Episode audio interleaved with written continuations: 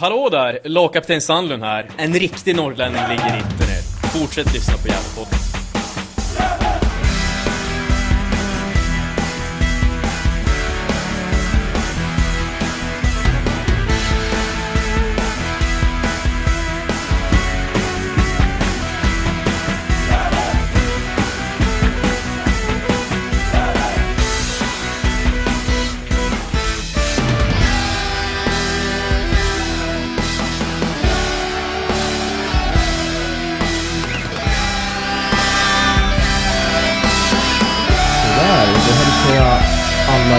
Välkommen till Gävlepodden 208. I detta avsnitt ska jag, Niklas, prata med eh, Andreas Ström och Johan Norrström om vår tabelltippning som vi gjorde i början av säsongen i februari-mars där. Kanske även in i april var vi håll höll på. Och som sagt, till hjälp har vi, har jag framförallt med mig två gäster. En lite gammal gäst här som eh, sitter här med mössan på inomhus. Ute i västkusten. Andreas Ström. Välkommen tillbaka till Gävlepodden. Ja, tack så mycket. Hur är läget? Ja, det är kallt ute. Jag är inte inne så mycket, men eh, jag tänkte ta på mig... Jag hade dålig hårdag, så jag tog på mig Gävlemössan tänkte jag. Det passar bra. Ja, härligt. Och Johan Norrström också med oss via Skype som ju Andreas också. Hur är läget Johan? Jo, det är väl lite småkrassligt sådär. vet du. Så jag tänkte att det, vore bra med lite coronaavstånd idag. Annars hade vi ju planerat att jag skulle hänga med dig hemma hos dig och, och spela in. Men eh, det vart via Skype istället. Ja, och tanken var att Per också skulle vara med från Örebro men det krånglade till sig där så det blir vi tre tappra här. Och vi har ju den här söndagen i 27, nej 29 november till och med. Ja det är det. 29 Yes. Gävlebocken har invigts, vilket är härligt. Och det är ett tecken på att fotboll borde sluta spelas för länge sedan. Men den här säsongen är som den är och eh, den är ju avslutad nu. Och eh, kan ju konstatera om vi kan prata lite i Gävleborgen här att Gävle slutar trea i bortatabellen. Så hade alla, alla matcher spelats på bortaplan i år så hade vi haft- haft ett kval att se fram emot. Och eh, det är ju väldigt fascinerande där att vi är så bra på bortaplan. Det var länge sedan vi var det va? Andreas? Eh, återigen så är det väl ettan som går upp och så tvåan som får kvala, så vi hade väl missat Ja, kval just det. precis och blivit trea. Men, Just det, ja. ehm, ja, det är ju ett jävla konstigt fenomen. Alltså, det är skitbra att de är bra på bortaplan, men eh, det, här med hemmastatistiken, det är ju det är ju bra jävla märkligt alltså. Jag tror spelarna själva, vad man har hört, tycker också att det är märkligt. Så att, eh, bra att de är bra borta, men måste vi bli bättre hemma så, så kan man kanske nypa en av de där två första platserna. Mm, absolut. Om vi drar sluttabellen då för ettan norra 2020 så är det Vasalund som blir etta. Brommapojkarna blir tvåa. Sollentuna kommer trea. Haninge fyra. Sylvia femma. Sandviken sexa. Gävle sjua. Karlstad åtta. Frej nia. Luleå tia. Täby 11. Örebro Syrianska kniper 12 platsen före Karlslund som är på 13 plats. Team Teger 14 åker ur tillsammans med IFK Berga och Nyköping på 15 och 16 plats. Och eh, om vi ska börja lite på årets säsong. Det är en väldigt märklig säsong. Vi spelade ju en försäsong där som vanligt men sen vart det ett avbrott på eh, tre månader. Hur ser du på årets säsong i ettan norra så här? Det är ju andra året vi spelar den här serien Johan. Vad tycker du? Ehm, ja, då kan vi konstatera att det vart ju inte riktigt... Det är som, som du säger, det är en, eh, vet du, det, är en eh, konstig säsong och eh, det vart väl inte alls riktigt som vi hade förväntat oss. Eh, det, I alla fall när det, när det gäller vet du, topplagen där, om man säger så. Där, vet du, pratar, vi, pratar vi Gävle så det vart det väl ungefär som förväntat tycker jag. Eh, det är skönt att, eh, att eh, att de har blivit bättre, att de har förbättrat sig. Att vi, att vi slipper den där bottenstriden som, som vi har fått tvingats stå ut med i många säsonger nu tycker jag. Mm. Vad tycker du Andreas? Nej, jag tror till och med jag hade tippat dem på den där tredje platsen som bortastatistiken eh, stod. Det var väl kanske ett önsketänkande, men jag menar eh, Eh, hade man, eh, hade man varit lite jämnare så hade man kanske kunnat hamna där. Alltså, de har ju gjort otroligt bra matcher den här säsongen och man har gjort otroligt dåliga matcher den här säsongen också. Man har varit otroligt ojämna. Eh, och det är någonting som, som Micke måste ta tag i till nästa år, att man, att man blir jämnare helt enkelt. För då, då, då tror jag man kan vara där uppe och slåss nästa år. Eh, ska man prata om den här säsongen så blir den ju jävligt märklig. Alltså, eh, lite stressigt allting. Mycket matcher, eh, lite vila, eh, ingen publik. Ja, det, är, det är en otroligt märklig säsong på, på så sätt. Och, eh, jag hade väl tänkt Gävle 3 till 7 någonstans och de hamnar ju på den där sjunde platsen så det är väl helt okej. Okay. Ja, det är som du säger också, det är ju det är ganska små marginaler också för det är ju det är någon match, Berga borta som, eh, som, som man borde ha vunnit, eh, Karlslund hemma och det är ju eh, det är ju fem poäng då, man, man kryssar ju borta i, i Kalmar där mot Berga och så men, men det är ju fem poäng och de fem poängen hade gjort att att man hade förmodligen varit med i, i liksom diskussionen ändå om den där kvalplatsen eh, som, som BP tog nu då istället. Mm. Ja, och vänder man på det på positiva säger Sollentuna hemma den här. Vad vinner de med? 5-2 va? 6-2 eh, till och med. 6-2 till och med. Eh, och, och Sollentuna slutar på, på tredjeplatsen. Så att där gör man ju en otroligt bra match. Kanske den bästa för säsongen. Så att det, det finns ju det finns ju riktiga bottennapp och så finns det riktiga toppar också. Så att, äh, ah, eh, ja, man, tar, man, tar, man, tar, ju alla sex poäng mot Sollentuna exempelvis. Och det är ju ja, det är imponerande i sig med tanke på, på hur Sollentunas eh, säsong sett ut. Ja, jag tänkte på Täbys tränares tippning där. Som, eh, han, han tippade ju att Sollentuna skulle gå upp där och vi garvade lite. Men mm. äh, han hade, mycket rätt eh, tävlingstränare måste jag säga ändå. Det, nu gick de inte upp, men vi hade nog eh, flinat lite att, om de hade sagt att Sollentuna skulle komma trea också. Så att, eh, ja, kanske bättre tippare än vad vi är. Verkar så. Ja. Sen är ju Sollentuna blivit lite favoritlag för, för oss i Gävle. Vi har ju inte förlorat mot dem på två år och har ganska trevliga minnen i matcherna mot dem. Så det är väl kul att de får vara kvar ett år till. Och det är en otroligt trevlig arena att åka till också tycker jag.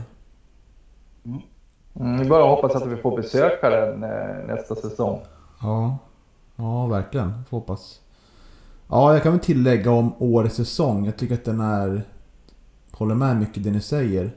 Men det är också intressant tycker jag att nu på slutet så matchen idag är ju... Ja, lite halvdan liksom. Inte mycket till anfallsspel och det är lite slarvigt sådär. Men vi får med oss tre poäng och det är sådana, sådana matcher som idag som är otroligt viktiga för att kunna ta steget upp i Superettan. Att, att vinna matcher där liksom vi inte är riktigt bra men vi gör målen som vi gör ändå. Och eh, det tycker jag är otroligt, otroligt viktigt och skönt att se att man verkligen klarar av, klarar av det när man inte har någonting att spela för i slutet här utan man tar poäng. Och eh, slutar ändå på en, en sjunde plats och säkert avstånd ner men så lite mer poäng uppåt. Men det är som ni är inne på, det är, det är de här, de här matcherna mot lag som är lite bättre. Som Vasalund och BP och eh, lag som är, ligger lite i mitten där som vi ibland kan ha svårt att, att vinna mot för det blir tajta matcher. Eh, såg ni för övrigt krönikan Magnus Hägerborn gjorde efter matchen idag? Ja, jag läste den. Eh, det var väl eh, både saker som jag inte höll med om och även saker som jag tycker han prickar in rätt. Jag tycker väl, jag tycker väl det, han beskriver bland annat att Hjälte skulle ha agerat understöd till, till kungen där framme, Lidberg. Och, jag tycker att det är väl en lite slarvig beskrivning av, av fotboll faktiskt, som är ett lagspel man, man kan ju faktiskt vända på det också. Och jag menar, Lidberg hade ju inte gjort 19 mål om han inte hade haft eh, duktiga eh, lagkamrater, om man säger så. Då. Nej, precis. Och sen var han väl lite inne på, som någon skrev på forumet, tolkar lite som att eh, Eh, man behåll Lidberg men värva in tio andra spelare. Lite så kändes det i krönikan. Sådär. Eh, och så är det ju inte, utan varje spelare i truppen kan ju fortfarande utvecklas, ja, potential i. Eh, även om vissa spelartyper såklart behöver komma in i laget. Tycker jag man såg idag också med, hade problem där på, på ytterbackspositionerna bland annat. Men vi kanske inte ska prata så mycket om det för då kommer vi glömma bort allt det vi egentligen ska, ska prata om. Och det är ju sluttabellen då, ettan norra. Våra tippningar som vi gjorde i våras. Och eh, jag tänker vi kan börja med eh, vilka tre lag som har överraskat oss. Och Andreas, du får äran att börja. Eftersom du bor längst bort. Ja, jag har faktiskt ändrat lite. Jag, jag skrev tre lag först eh, och sen har jag skrivit eh, ett annat lag också. Men eh, eh jag börjar med, med Täby som eh, slutar på eh, en elfte plats innan det är färdigt. Eh, och som vi eh, tippade näst sist allihopa nästan tror jag. Eh, jag. Jag måste säga att de eh, de har överraskat på mig hela säsongen. Det har varit ett svårspelat lag och de har, har tagit sina poäng och, och lyckats eh, hålla sig kvar. Så, så all cred till, till Täby att de, eh, Eh, de lyckades. Eh, den här intervjun jag gjorde så var han inte jätteglad på mig, deras tränare, att jag hade tippat dem så långt ner. Och, eh, eh, han fick rätt, helt enkelt. Så det, det ska vi ha, ha all cred för. Eh, sen har vi Haninge Eh, lag nummer två som jag har skrivit. Eh, och de har ju verkligen överraskat en, en fjärde plats.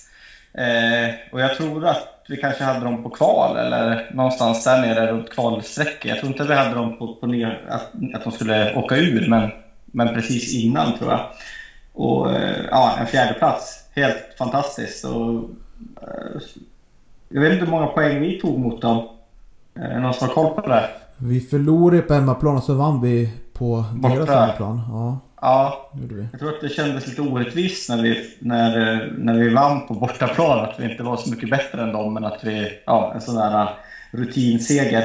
Eh, sen hade jag faktiskt skrivit Berga eh, och så har jag suddat ut och skrivit Vasalund istället.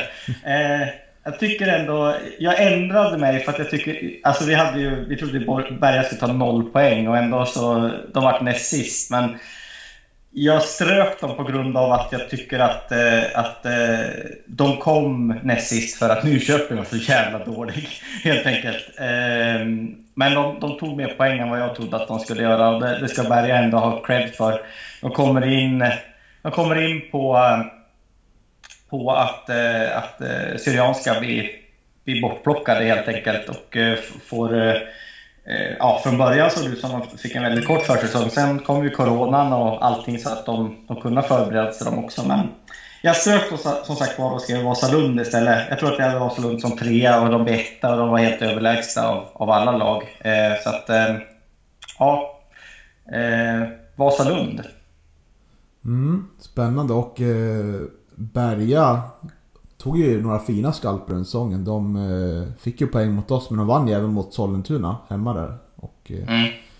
Otroligt eh, krigarlag. Och hade ju hade stökig säsong, sparkade ju tränaren där mitt under, mitt under säsongen trots att det såg helt okej okay ut av det lilla jag sett av dem. Så var det, var det lite märkligt att sparka en tränare ändå.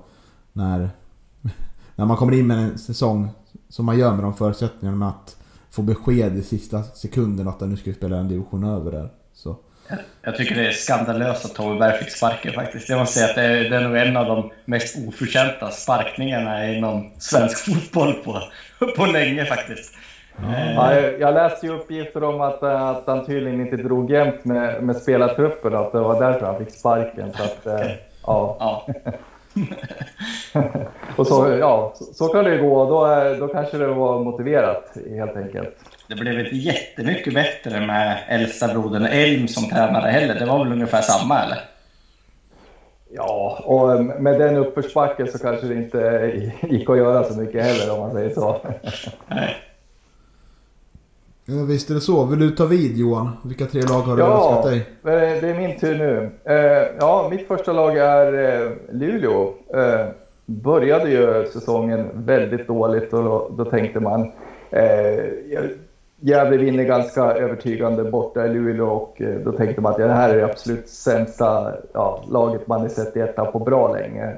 De var riktigt dåliga. Men, men sen har de en otroligt bra period under sommaren där, där de mm. vinner hur mycket matcher som helst i rad. Och, eh, eh, spelar ganska bra fotboll också dessutom tycker jag. Och, eh, ja, eh, det är ju imponerande tycker jag att liksom resa sig efter en så dålig start av eh, serien.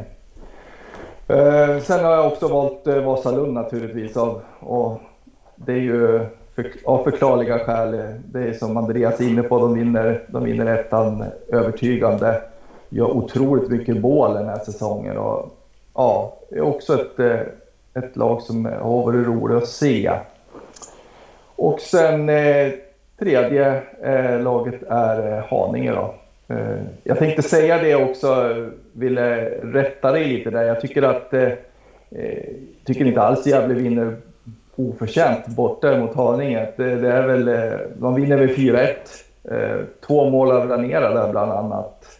Eh, och i och för sig så kanske man vinner mycket beroende på, på utvisningen där men, men jag tycker att Gävle är mycket bättre än den matchen ändå i stora hela. Man får väl till ganska bra kontringsspel just i den matchen också. Jag hjälte blir frispelare där bland annat. Så det... Ja, absolut. Har du någon replik på det Andreas? Nej, eh, jag tänkte mer på, på eh, Vasalund där och, eh, och om vi ska prata lite om dem så, så känns de verkligen som Akropolis förra säsongen. Ett lag som, som ja, var bättre än precis alla andra. Liksom. Och sen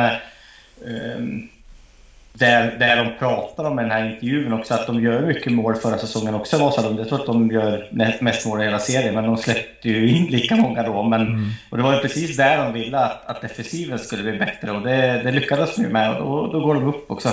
Um, jag, jag, tror att om jag ska repliera Haninge så tror jag jag tänker att, att Haninge var bättre än oss innan utvisningen och sen tog vi över den matchen. Men Eh, och att de var ganska duktiga på att trilla boll, boll Haninge och, och hålla den. Så att, eh, men eh, jag kan minnas fel, jag har sett ganska många matcher i år. Så att... Ja, Ja, ja, så kanske det kan vara. Jag vet inte. Eh, de leder ju med 2-0 egentligen innan effekten av eh, mm. Gävle. Alltså. Mm. De leder ju med 2-0 innan, innan effekten av utvisningen visade sig. Så att, ja. Ger mig Johan, jag tror att jag tänker på en annan match och så blandar jag ihop den. Ja, det var det många matcher i år. Ja. jag kan hoppa på Vasalundsspåret där. Det är otroligt intressant eh, hur det har gått för Sepa Akropolis som vann serien överlägset förra året och eh, sparka tränare men ändå lyckas komma femma, sexa i Superettan i år. Det ska bli intressant att se om Vasalund kan bygga vidare på det här att bli ytterligare en Stockholmsklubb i Superettan som bara liksom Eh, visar ett otroligt fint eh, och kreativt anfallsspel och verkligen etablerar sig. För då visar man liksom att det, det är möjligt att gå upp från, från division 1 och, eh, och därifrån etablera sig i Superettan. Om man bara tar ett bra spel och, och sådär. Så det ska bli otroligt intressant. För vi har haft, vi har haft svårt mot Vasalund i år. Och även när vi mötte dem på försäsongen. Tycker jag vi har haft svårt mot dem. Mm. Får bara hoppas för Vasalunds skull att de får behålla Dali Sabic som eh, tränare som eh, är en framtids, eh, ett framtidsnamn tycker jag i, i fotbolls-Sverige eh, som, som tränare och sådär. eh, han har ju gjort väldigt mycket bra i Vasalund så att eh, man, för Vasalunds skull så hoppas jag att han blir kvar och att inte några större klubbar börjar dra i honom sådär. Mm. Frågan är också hur, hur samarbetet med AIK kommer att se ut nu när de kommer upp i Superettan. Om de kanske är mer intresserade av att låna ut spelare till Vasalund och sådär. Eh, att de kommer liksom att utveckla det här samarbetet igen eh, när de kommer upp på lite högre, högre nivå. Så kanske det blir mer intressant för AIK att låna ut talanger dit också som får spela Superettan. Mm. Mycket möjligt. Det kommer gynna Vasalund då tror jag absolut. Ja, om jag kommer in på mina tre lag då. Och det är ingen stor, större överraskning där heller utan jag har valt Sollentuna, Haninge och Luleå. Eh, och eh, Sollentuna kan vi prata om. Jag såg dem spela mot Sandviken här i slutet och varit ganska imponerad. De har en, en tri, trio där framme som är otroligt kreativa och duktiga en mot en. Eh, som jag har varit eh, riktigt imponerad av. Och jag pratade ju om dem innan, innan sången. Att det skulle bli ett lag som som eh, kom eh, nia. Så jag tror de kunde förbättra sig, men inte så här mycket som de har gjort. Och eh, man hade ju tappat där, man hade ju värvat in den här Pashan Abdullah som, men som lämnade mitt under Han var typ i klubben en månad men sen gick han till Haninge tror jag och där gjorde han ju också mycket mål. Eh, tror jag det var. Eh, så jag är otroligt imponerad av Sollentunas säsong. Och eh, det kan bli spännande att se om de kan bygga vidare på Christer Mattiasson där vid rodret. Och komma i toppen nästa år också. Och, eh, men det är vet vi nu efter att ha varit två år i den här serien att det är otroligt stor omsättning på alla klubbar. Man tappar ju 10-11 spelare varje klubb. Och då blir det ju ganska lätt så att det blir att e-, ena säsongen kan laget ligga nere i botten. Andra säsongen kan man ligga uppe i toppen. Så det är, det är otroligt... Det krävs ett otroligt bra scoutarbete. Och det har vi pratat mycket om i, i den här podden. Mm. Och eh, det har ju uppenbarligen Sollentuna lyckats väldigt bra med. Jag tycker att om jag får bryta in där så ser man ju bredden i Stockholmsfotbollen också. De är alltså etta, tvåa, tre och fyra Stockholmsklubbarna. Ehm, Det finns ju otroligt mycket spelare att, ösa ur alltså i, i, i Stockholm och med, med bra kvalitet. Det tycker jag eh, årets tabell bevisar. Mm, absolut. Och Haninge då? Tycker de imponerade när vi mötte dem på Gavlevallen. Otroligt disciplinerade och bra omställningsspel i den matchen framförallt. Och har ju gjort otroligt mycket mål också.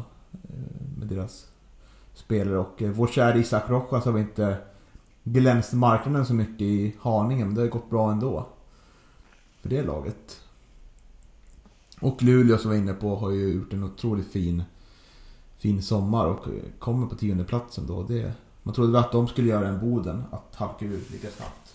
Men nu blir det ju flera övre Norrlandslag nästa år med Piteå också. Det ska bli otroligt intressant att se hur, hur de står sig mot varandra. Om man plockar från varandra eller hur det nu blir i hierarkin där långt uppe i Norrland. Mm. Mm. Nej, det är ju TG åker ur och, och Umeå kommer ju tillbaks eh, istället då. Så att, eh, ja, äh, men Luleå tycker jag imponerar. Eh, och jag trodde på dem redan, redan innan säsongen. Ehm, men det är det där, det är, det är inte som Stockholm. Det finns inte hur mycket som helst att, att ösa ur. Jag tror att de har plockat ganska mycket från Piteå förut, men nu kanske Piteå får behålla sina spelare när de också gick upp. Så att, eh, äh, det, är ju, det är lite svårt där uppe att, att, att få ihop det. Eh, nu kanske de hade turen att, att Boden inte gick upp också, så att eh, det känns som Boden hade varit farligare för Luleå än vad Piteå är kanske på, på pappret. Men nu, vi har ju tippat så jävla dåligt så man kanske inte ska uttala sig överhuvudtaget. Så ja. Ja, och vi kan fortsätta på eh, vilka tre lag som gjort oss besvikna då.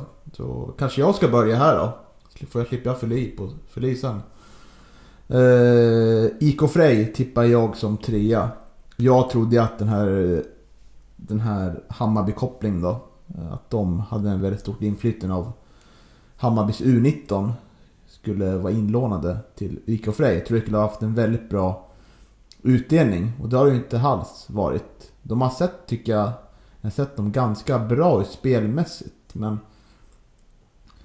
det har inte alls eh, räckt till i år. Utan man slutar på en eh, nionde plats.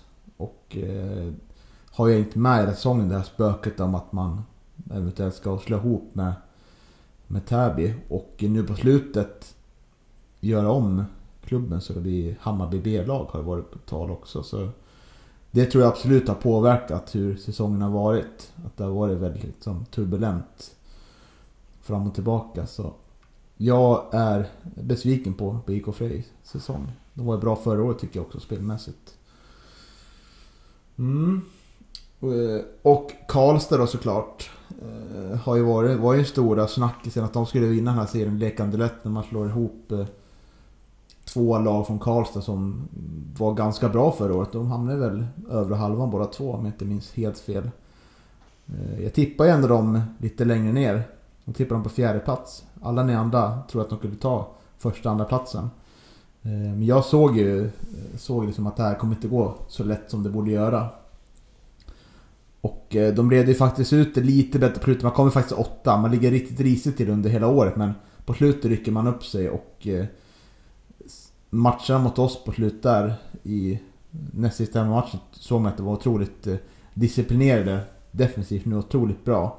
Och det är ju den här greken som tränar Akropolis förra året som tränar Karlstad nu så Jag tror Karlstad definitivt kan bli farliga i längden.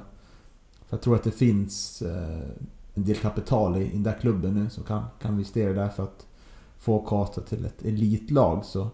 Men i år var det ingen, ingen dans på rosor i den andra, andra kaffestaden som sagt. Mm. Eh, ska vi prata om Karlstad? Kan vi göra.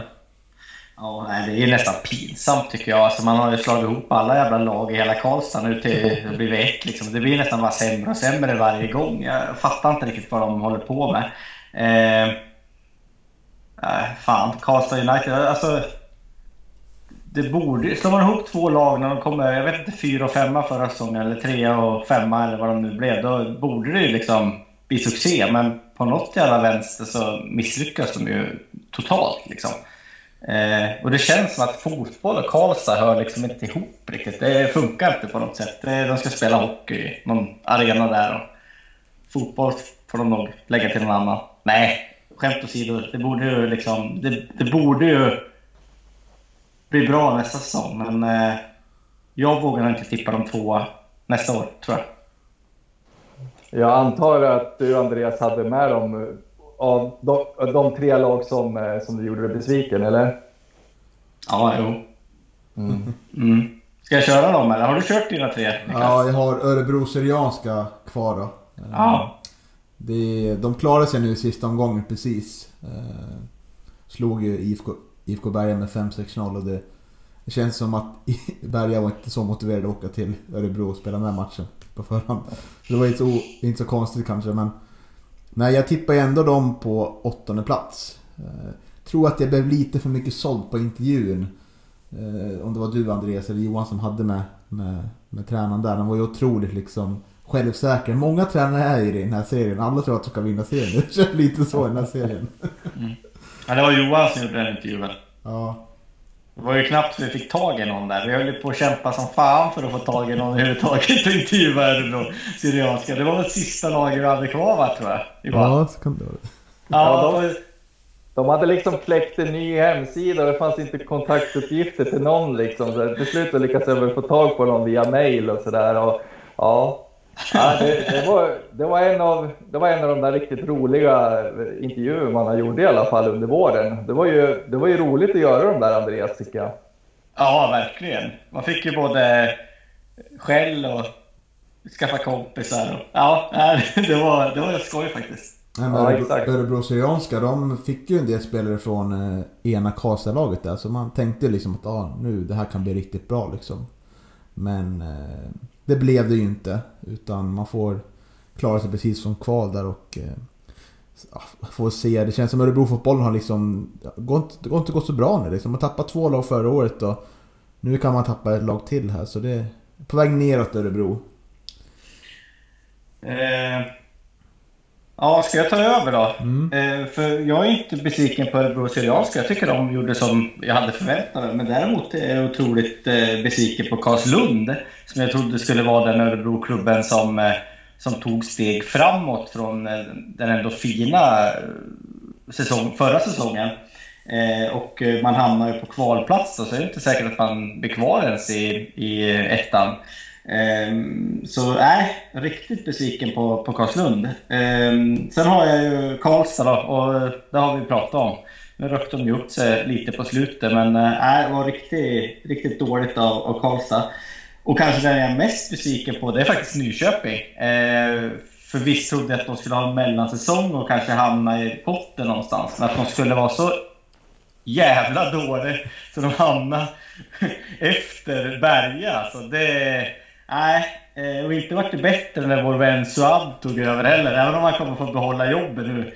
Men det är klart att det var U16-tränare och helt plötsligt får hoppa in i A-laget i mitten så är det väl inte så jäkla lätt när man precis har lagt ner eh, spelarkarriären. Men nej, riktigt, riktigt dåligt Nyköping. Det var eh, fruktansvärt kast faktiskt. Ja, det... Ja, det är otroligt. Så jag fick kunde förlora mot det här laget förra året. Det behöver man ju liksom tänka Men förra året var de ju ganska bra ändå. Alltså i år har de ju varit riktigt jävla dåliga. Förlåt Suad och förlåt Nyköping, men det, nej usch. Ja, du låter riktigt besviken Andreas. nej, fan, jag håller inte på Nyköpingssonen. Jag, fan, nej, det var ju riktig jävla mental istid på något sätt. Mm. Ja, eh, jag har inte Nyköping med, men, eh, men jag håller med om Karlslund i alla fall. Eh, jag tycker det, de, det var ju det Örebro-laget som spelade riktigt fin fotboll förra säsongen och jag trodde faktiskt stenhårt på dem i, i år. Men som du säger, då, de, eh, det är inte ens säkert att de eh, kommer att spela eh, i ettan nästa år, utan de, de, kommer ju tvingas kvala. Då.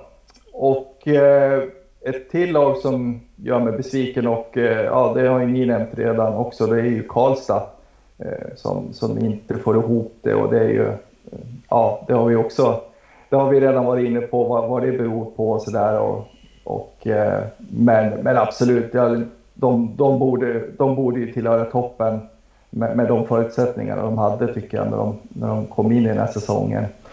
Och eh, största besviken, ty, besvikelsen tycker jag det är ju Sandviken. Eh, många, de har ju satsade ju verkligen på att gå upp i år och har ju dyraste spelartruppen och, och mest rutin. Och det är lite det som Mehmet Bakir var inne på i intervjun som jag gjorde i, i våras med honom eh, när han skulle tippa vilka som skulle vinna ettan. Då. Han, han tippade ju Sandviken då, och eh, han sa ju det att det, det är ju det det är det laget i ettan som har mest eh, seniorspelare, eh, den mesta rutinen och, och sådär. Och, eh, ja, det är underligt att man inte får ihop det den här säsongen också tycker jag. Ja, men det, det, det väcker väl frågan igen. Kan Pelle Olsson vinna en serie med det spelsystemet han har? Det har vi ju tjatat om. Jag, jag tvivlar faktiskt. Han är grym på att hålla kvar klubbar och så, men när det gäller att, att vinna en serie då... Nej, jag vet inte. Mm. Rädda kvar och stabilisera, det, det är Pelles melodi. Men, men ja, det är ju tveksamt då, som sagt eh, om, om Pelle kan få ett lag att gå upp också. Mm. För nu har jag haft några år på sig att uh, ta upp laget i Superettan och kontraktet går ut 2022 och uh, det börjar bli liksom, uh, tror jag, tålamodet börjar tryta lite om man vill ha en seriös ambition med, med fotbollen att komma tillbaka till Superettan i rimlig tid. Då, det borde den här säsongen ses som ganska misslyckad för man... Förvisso är man där med två, tre omgångar kvar men... Eh, det, man lyckas liksom inte inte, inte ta de poängen som krävs för att gå upp. Och om man ser till matcherna mot oss eh, så tycker jag inte heller att de imponerar jättemycket utan vi, vi, vi tar ut varandra ganska mycket och det är liksom ett mer ett stort underbetyg till Sandviken men ett bra betyg till oss. Att vi har tagit större eh, kliv sportligt än Sandviken gjort i år. Och de har nog en del att fundera på för det börjar bli ganska gamla, gamla eh, gubbar. Det börjar, börjar liksom...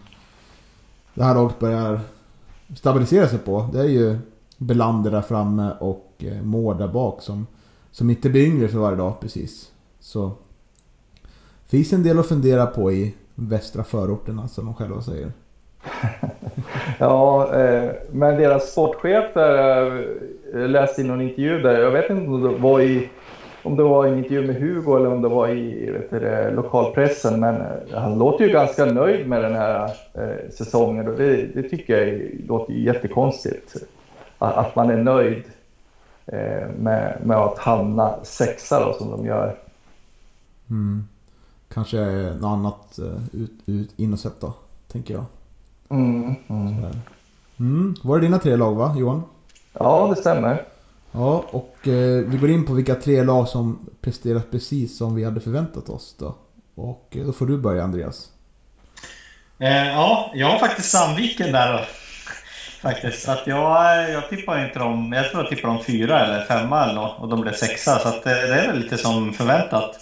Eh, jag har Gävle IF. Så jag då tippade trea egentligen, men ah, jag ville att de skulle komma där någonstans, trea eller etta helst. Men ja, komma upp i topp sju i alla fall. Och det, det gör man ju då som, som sjua. Lite besviken på Gävle att vi inte kommer före Sandviken. Um, så är det. Jag vill alltid att vi ska ligga före Sandviken i en tabell. Och det hoppas jag vi gör nästa år istället. Uh, och sen har jag uh, eh, BP. Eh, var ju toppar, eh, tippar etta av oss, eh, blir tvåa. Eh, och det är inte BP's fel att Vasalund var så jäkla bra i år.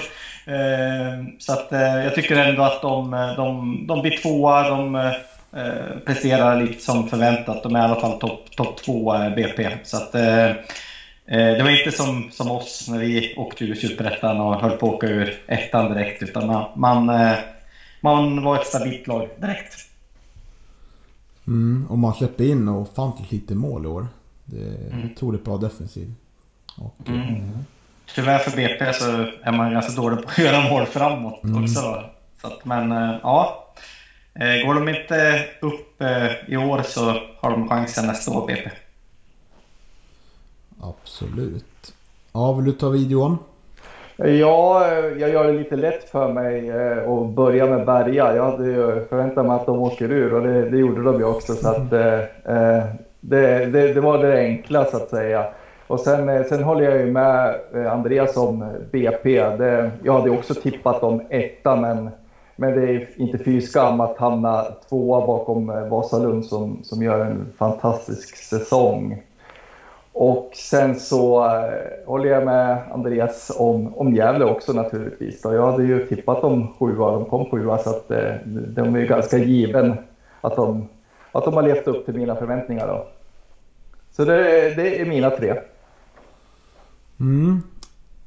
Jag kan ta ett fjärde lag som inte är med på min lista men som jag ser nu var ganska nära min tippning. Det var Sylvia. Jag tippade dem som sjua. Och Andreas tippar dem som sexa. Så de skulle kunna varit med i, i min topp tre här då, men de har ju liksom gjort en otroligt fin vår men liksom det andra laget från stan så faller man igenom lite under, under sommaren och hösten. Men de är ju otroligt bra. Medan vi gör kanske vår bästa match i år mot, eh, mot Sylvia. Den hemmamatchen. Och den halvleken. Första kommer jag inte glömma bort. Det var otroligt bra spel. Bra, bra tempo. Och bra fart på bollen. Men jag har tagit Vasalund, BP och Gävle. Och eh, jag hade ändå förväntat mig att Vasalund skulle... Jag tippade dem som tvåa. Så jag såg att det här var ett väldigt, väldigt bra lag. Och man har ju fått lite inblick här tack vare dig Andreas. Hur, Dali Savic tänker och så. Så det har varit otroligt lärorikt och hjälpt den på traven till, till Vasalund. Hur de spelar och tänker. Så det ska bli... Ja, de, eh, det ska bli kul att följa i Superettan faktiskt. Se hur, hur man klarar sig. Och eh, BP då som sagt. Eh, klarar ju sig men inte på det sättet man trodde kanske. Man kanske trodde att BP skulle vara gjort lite mer mål och eh, lite mer fröjdande anfallsspel men det har snarare varit lite gammal Gävle IF-stil på, på, på deras eh, måltavla så att säga. Men och Gävle IF då? man man uttrycker mycket från spelarna som kom in att det var, var spelare som man såg förra året var riktigt bra och eh, Lidberg med meriter från, från Allsvenskan och Superettan där och eh, Erik Granat med Team Teger där. Och eh, kommer ihåg den intervjun jag hade med Mikael Bengtsson tidigt i januari där när han blev anställd. Eller snarare senare i januari. Men man såg att det här fanns en, en tränare med mycket idéer och mycket tankar. och en, eh, en kärlek till fotbollen och ledarskapet som man såg att oh, det här kan bli, kan bli riktigt bra. Så det var riktigt skönt att kunna ha, kunna ha rätt, på, rätt på en känsla för de har inte haft med Gävle för på några år. Jag hade ju det här tifot 2017 att 135-årsdagen ska firas i Allsvenskan. Det var ju nära att den firades i division 1 redan då, 2018. Så man har haft mycket fel genom åren men det var skönt att ha rätt gällande Eh, Gävle IF 2020 i alla fall. Någorlunda. Jag tippade dem i femma så. Det var ju nästan på femte plats. Men eh, ja, otroligt trevlig sång. Ur ett himmelsblått hjärta. Ja. Men alltså, med tanke på hur det gick förra säsongen för oss, kunde han misslyckas liksom? Egentligen. Alltså, jag kände ju också ett lugn med honom för att det kändes som att vi fick in en, en fotbollstränare och så hörde jag lite av mig till spelare i Hudiksvall som jag vet för att kolla läget liksom och, och det var ju positiva tongångar liksom. Det var inte, ja, någon negativ grej fick jag ju liksom men det har väl alla tränare. Det finns väl ingen som är prickfri liksom. Men det kändes ändå med Mikael Bengtsson som att det var en stabil kille. Liksom. Eh, sen vet jag inte om jag upplevde li, li, riktigt med Lidberg. Alltså, han kändes ju spännande, men man trodde ändå inte att han kanske skulle explodera. Man hoppades ju på det, men han hade liksom inte bevisat så jättemycket sedan han var 16 och hoppade in för Hammarby i Allsvenskan egentligen. Och, och, eh, jag tror ändå det här lugnet som finns i Gävle IF, det var det som hjälpte honom fram och liksom gör de här målen som han, som han gjorde. Liksom. Sen är det klart att, eh, jag har inte läst den här intervjun som ni pratade om innan, men det är klart att det, det måste vara någon som slår passningar till honom också. Eh, så, så, är det ju liksom. Men eh, fantastisk målskytt eh, Lidberg. Men jag vet inte om jag tyckte han var otroligt spännande när han kom. Men jag vet inte om jag hade de här förväntningarna och hade hoppats på, på mycket mål. Men ja. Nej, man hade väl inte det här 19 mål tänkte man inte innan säsongen. Men man tänkte ändå att det var en spelare med, med meriter från, från klubbar. Än de vi värvade året innan som Grace Tanda och Julio Fernandez som man inte ja. hade en aning om vad, vilka klubbar de hade spelat i för.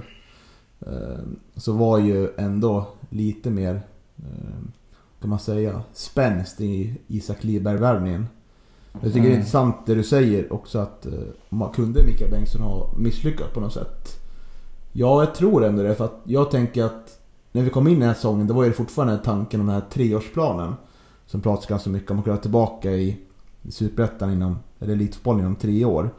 Sen ändrades ju den, det vart femårsplan. Kanske ändras sen det blir tioårsplan, man vet inte.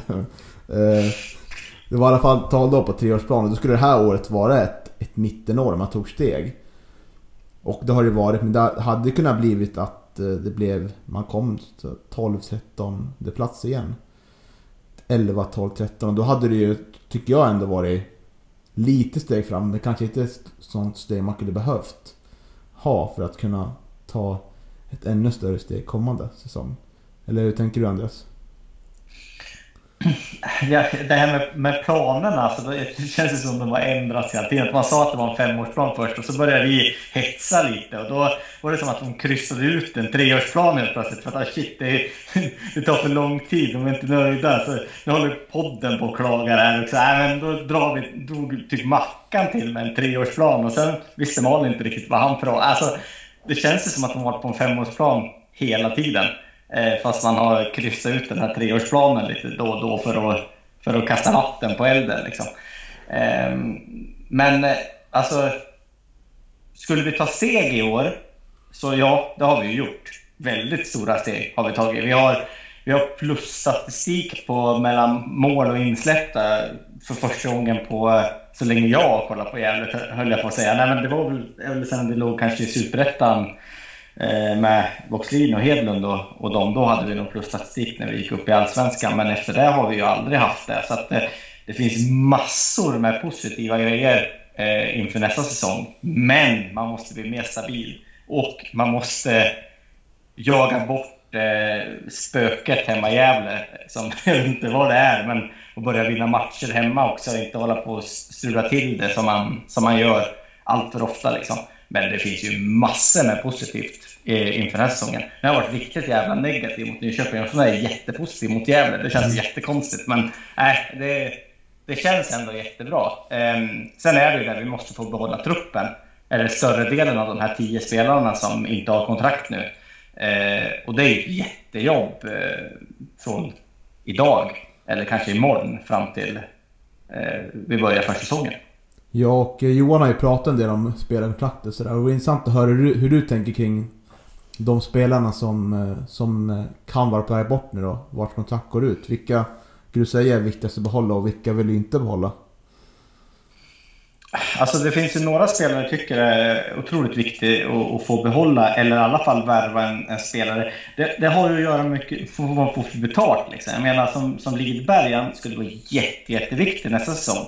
Men det är klart, får Gävle några miljoner för honom då, eh, som kan rädda ekonomin och, och, kanske värva tre andra spelare. Det är klart, då ska man ju sälja liksom.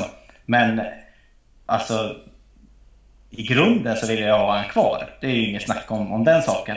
Det är samma sak med Sandlund också. Jag tycker att vi är väldigt delade i den här podden, vi som har hållit på, vad vi tycker om, om Sandlund. Men jag tycker ju väldigt bra om honom. Eh, och eh, han är en väldigt viktig ledarfigur tror jag för de, för de andra. Liksom. Så att det är klart att jag tycker att han, han ska vara kvar. Eh, tar vi Nisse till exempel, ja, kanske lite mer tveksam. Jag tycker ytterbackspositionerna, överhuvudtaget Ejeblad också, där kanske vi skulle behöva in mer spelare, eller spelare som ska spela i de positionerna som naturligt är eh, höger och vänsterbackar. Eh, för det har vi ju inte riktigt haft. Jag tycker ju Ejeblad är en mittback och jag tycker att eh, Nisse är ju en ytter eller en, en forward egentligen kanske. Lika som, som, eh, som eh, Ciuci också. Han är också en forward eller en, en, en ytter tycker jag. Så att där är jag väl liksom... Eh, mer tveksam om man ska behålla de spelarna. Finns det bättre alternativ på, på spelarmarknaden? Eh, när det kommer till Juranera så har skrivit ett åttaårskontrakt med honom. Så bra tycker jag att han är. Mm. Så att, eh, det, ja, vissa spelare vill jag jätte, jättegärna behålla. Eh, vissa spelare är lite mer tveksam. Men som Nisse, liksom, blir han kvar? Ja, ja, men bra liksom. Men försvinner han så är det okej okay också om man kan hitta alternativ. Liksom. Nu tog jag bara upp fem spelare är det någon mer jag har glömt? Ja, Friman kanske? Nej, Friman tycker jag inte har bevisat... Eh, det beror lite på vad han kostar i och för sig, men, men jag tycker inte han har bevisat i år att han, eh, att han håller riktigt på den här nivån. Eh, han har haft lite otur med sjukdomar och skador också, men, men det är ju så att skriva ett ettårskontrakt. Man, då får man ju bevisa under det här året att man, att man håller. Liksom. Jag vet inte, Nisse Eriksson, går hans kontrakt ut också mm. eller? Ja, ja där är väl där är jag väl lite mer positiv. Men jag menar, man kan inte ha en spelare som är skadad hela tiden heller. Eh, så att jag tycker att de gånger Nisse har spelat, så, alltså Nisse Eriksson, Eriksson säger jag då, så eh, har han varit jättebra. Men han har ju spelat alldeles för lite, eh, tycker jag. Eh, vad har vi mer? Jag är uppe i sju spelare, så det var tre spelare Jalla Kalabane. Vad tycker du om honom? Nu kommer den, sågningen. Nej, men det beror på vad han kostar. Alltså, så är det. Jag tycker jag är... Eh, han är ju... Kan ju vara en gigant.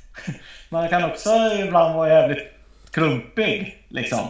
Eh, men, men rent generellt tycker jag jag är en bra spelare. Det är inget snack om den saken. Men kostar han 30 000? Jag vet inte. 20 000?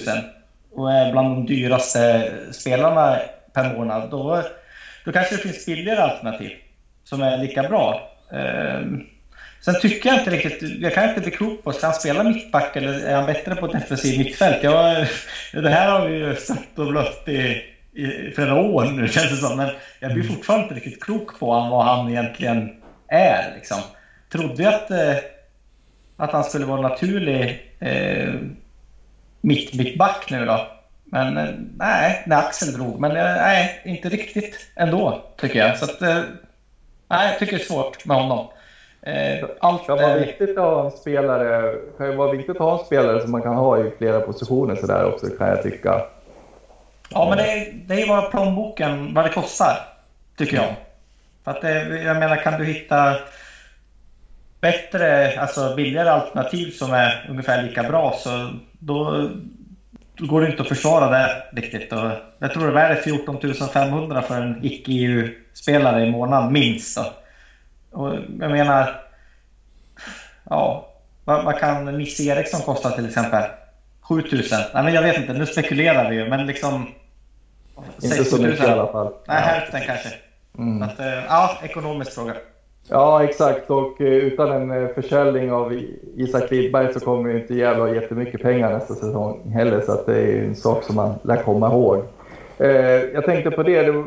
De hade en intervju i lokalpressen med Axel Näsholm och där lät det ju väldigt positivt. Det lät ju både, ja, så på honom att både klubben och han var intresserade av att eh, förlänga. Och eh, det, det, tycker jag i alla fall är bra. Eh, jag tycker att han har gjort en bra första säsong på division 1-nivå med tanke på att han kommer från tvåan. Så att, eh, det var någonting som gladde mig i alla fall när jag läste det.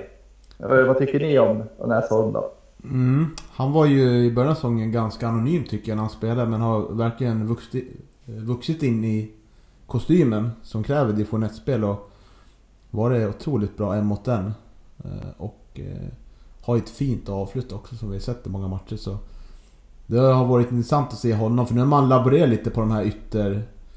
Ytteranfallspositionerna där. Nu har ju Ranera spelat lite där också. Jag tror man vill ha lite olika vari varianter där för att få ett mer varierat anfallsspel. Eh, så jag har ju liksom varit inne och stört mig lite på att det inte går så mycket djupled i år.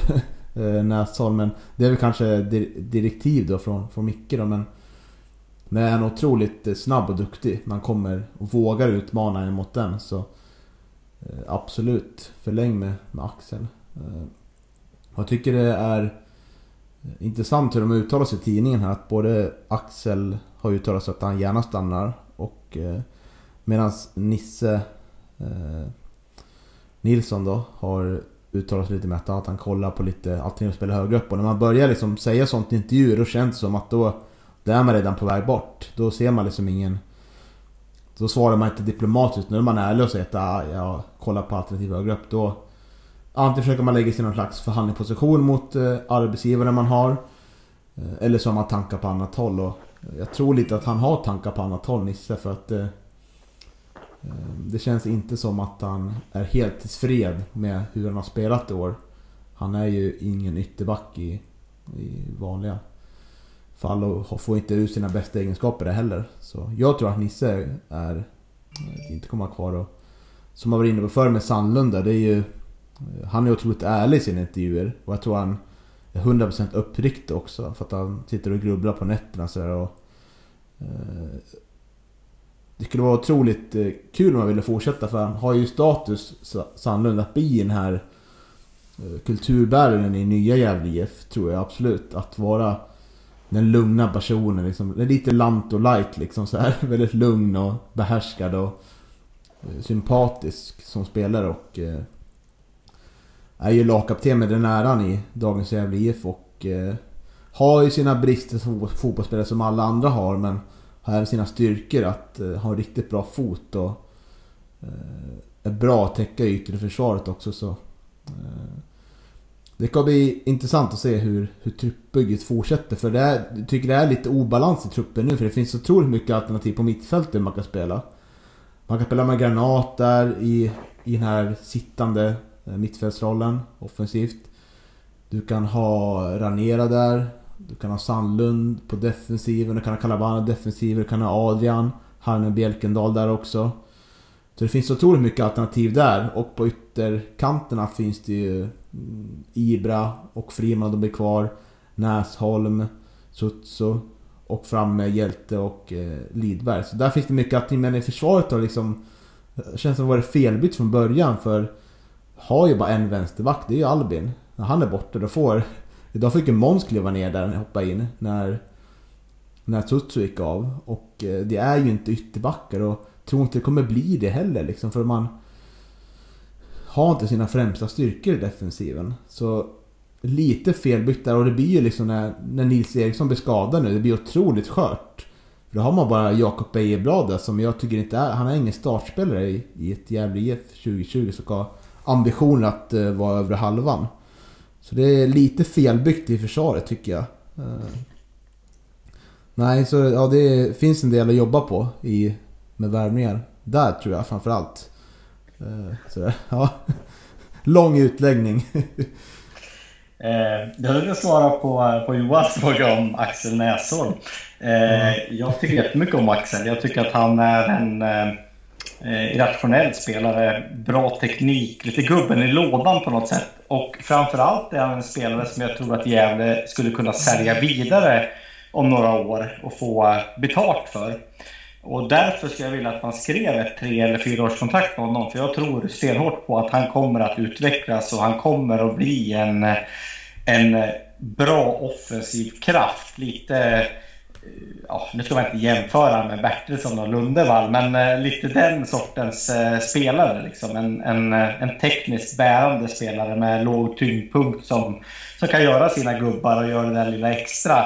Och sådana brukar man kunna få ganska bra betalt för eh, lite senare i karriären. Eh, och det har Gävle en, en bra historia om att kunna utveckla sådana såna spelare. Så jag tycker att skriv ett tre eller fyra års kontrakt med, med Axel och, och satsa, satsa på honom. Eh, så tror jag att det kommer att, att bära frukt. Både Eh, där det kommer till tabellposition för Gävle och sen i plånboken lite senare också. Eh, jag tänkte säga Erik Granats kontrakt går ut också. Det stämmer det. Just det. Eh, och han lät väl ganska positiv ändå i det jag har, har läst. Även fast jag tycker att han har haft en riktig mellansäsong. Jag tycker att han har varit lite bättre på slutet eh, och, och börjat se ut som sig själv. Eh, jag tror det var Jimmy Morén som sa förra säsongen när han spelade TG så var han den näst bästa spelaren i hela ettan norra och, och det har vi inte riktigt sett i år. Eh, jag tycker att tidningarna har varit ganska taskiga mot honom också, Gefle Dagblad faktiskt, i sin bedömning. Jag har varit lite förbannad ibland. Eh, sen är det ju så att han har ju inte fått ut det bästa av, av sig själv. Liksom. Och, eh, Eh, jag hoppas och tror att eh, han kan skriva ett nytt kontrakt och, och, bevisa för oss alla vilken jäkla bra fotbollsspelare han är, för det, det kan man se. Mm. Han har sett lite vilsen ut i, i eh, vet du, Micke Bengtssons spelsystem tycker jag framförallt i, i början av säsongen och ja, hittade inte riktigt rätt. Men, men det har sett bättre här nu under hösten tycker jag, för de här sista matcherna. Så, så att jag tycker att det lovar gott uh, inför för fortsättningen och nästa säsong och sådär. Så att uh, jag håller med Andreas att, uh, om att jag tycker att man ska försöka förlänga med, med Erik. Mm. Hur känner ni med Ranera Det var bara jag som eh, uttryckte så jäkla positivt om honom. Men... Mm. Nej, men det är otroligt viktig spelare i år. Sen han kom till klubben så har man gjort otroligt mycket fler mål. Eh, och det tycker jag han har en stor, stor del i. För att han har en helt annan förmåga att vända upp rättvänt och slå den här passningen. Framförallt till Lidberg. Det är otroligt många gånger det har, har blivit mål. De två samarbetar. Och... Eh, Nej, otroligt eh, smart värvning där när man sålde. Det var ju lite chansning att sälja, sälja Axel och inte ta in en mittback som vi, vi pratade lite om. Men det såg ju väl ut offensivt. Gjorde det faktiskt. Eh, så där, definitivt förläng. Och, eh, men han har väl lite ögon på sig tror jag, lite högre upp. Eh, det borde han ha. Så. Men som när vi intervjuade honom i Gävlepodden med hjälp av Anders så eh, lät han otroligt nöjd med klubben. Tyckte den var väldigt proffsig och välskött. Och ett glatt gäng att spela med så har inte han några erbjudande högre upp så tror jag definitivt han kan tänka sig att stanna. Stanna i det här laget. Ja, absolut. Mm, jag är lite inne på det. Ja, åtta år är väl kanske att ta i Andreas, men, men eh, eh, eh vad heter det? ett två eller treårskontrakt tycker jag. Och eh, framförallt som, som du säger Niklas så kommer han att få ögonen på sig från, från klubbar högre upp i seriesystemet. Och, och det vore väl, det vore väl bra för Gävle om man kunde sälja honom istället för att tappa honom då som, som, en, som en bossman då så att säga. Att han skulle gå fritt, fritt till någon annan klubb då i, i, i Sverige, det skulle ju vara lite surt. Så förhoppningsvis så, så kan man förlänga med Ranier och, och eh, kanske få betalt för honom med längre fram. Ni tror inte att, eh, att det är så? Sandlund, jag vet inte när han skrev nytt kontrakt senast, men han var ju med oss i Superettan där, så troligtvis så har med Sandlund ett ganska bra kontrakt, tror jag. Eh, och att man, liksom, att man kanske får välja mellan olika spelare eh, på grund av ekonomin. Liksom. Mm. Ja, så kan det mycket väl vara och då borde det vara att man har ganska gott om innermittfälten. Att man mm. väljer, att, väljer att inte förnya eller sälja någon av de man inte anser som riktiga startspelare då, eller vill satsa på. Eh, så borde det finnas utrymme för, för en annan typ av övning, absolut. För jag, jag, tycker ändå att våran hackkyckling, eller kanske inte våran, men forumets hackkyckling eh, Adrian Haranen ändå har utvecklats i år. Jag tycker ändå han har sett eh, bättre ut i, i år än vad han gjorde förra året. Så att, eh, mm. jag tycker att det går åt rätt håll med Adrian också. Och jag menar, tar, tar våra egna spelare SCA också, då, då, då blir de heta alternativ att starta också. Så att, ja, men det är som du säger, liksom, det är lite obalans med väldigt mycket innermittfältare. Och, och, och sämre på, på back, mittbackspositionerna och ytterbackspositionerna. Så att det kanske är där han, han tänker svänga om lite, Bengtsson.